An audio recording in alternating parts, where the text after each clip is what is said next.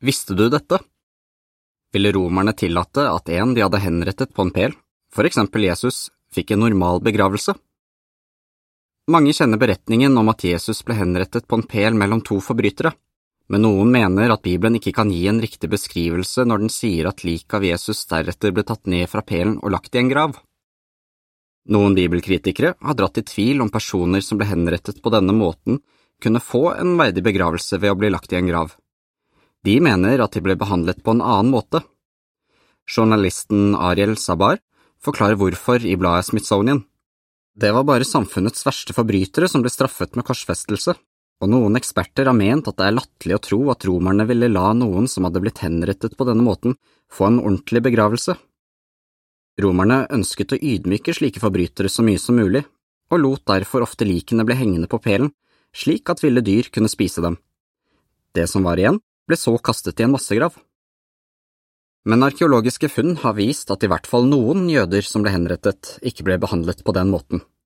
I 1968 fant man skjelettresten av en mann som hadde blitt henrettet i det første århundret. Restene ble funnet i en typisk jødisk familiegrav i nærheten av Jerusalem.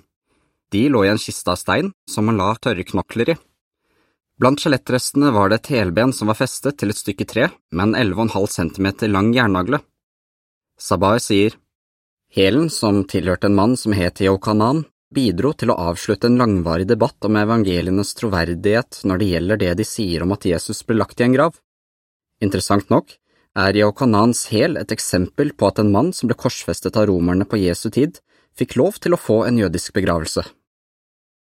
Det kan nok være forskjellige meninger om hva dette helbenet forteller om hvordan Jesus hang på pelen, men det som er helt sikkert, er at noen henrettede forbrytere fikk en normal begravelse og ikke bare ble kastet i en massegrav.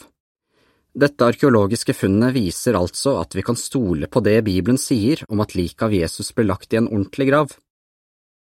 Men enda viktigere, Jehova hadde forutsagt at Jesus skulle bli gravlagt hos de rike, og ingen kan hindre at hans ord blir oppfylt.